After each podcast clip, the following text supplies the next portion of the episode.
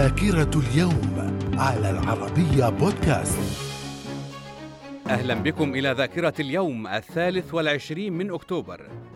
في عام 1956 عشرات آلاف المجريين يتدفقون إلى الشوارع للمطالبة بوضع نهاية للحكم السوفيتي في بلادهم وهو ما يعرف بالثورة المجرية. في عام 1982 الملك فهد بن عبد العزيز آل سعود يضع حجر الأساس لمجمع الملك فهد لطباعة المصحف الشريف.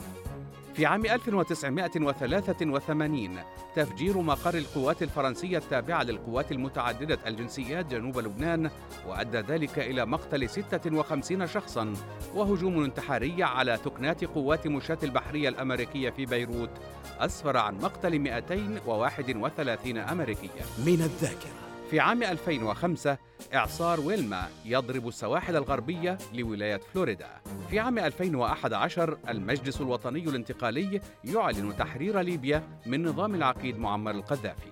في عام 2011 إجراء انتخابات المجلس الوطني التأسيسي التونسي وسط إقبال كبير وهو المجلس الذي سيكلف بوضع دستور جديد بعد الثورة وإسقاط حكم زين العابدين بن علي. من الذاكرة. في عام 2015 إعصار باتريسيا يضرب الساحل الغربي للمكسيك وأعلن العلماء أنه أقوى إعصار مسجل في التاريخ. من الذاكرة. ومن مواليد اليوم الثالث والعشرين من أكتوبر في عام 1940 بيليه لاعب كرة قدم برازيلي في عام 1943 صلاح السعدني ممثل مصري.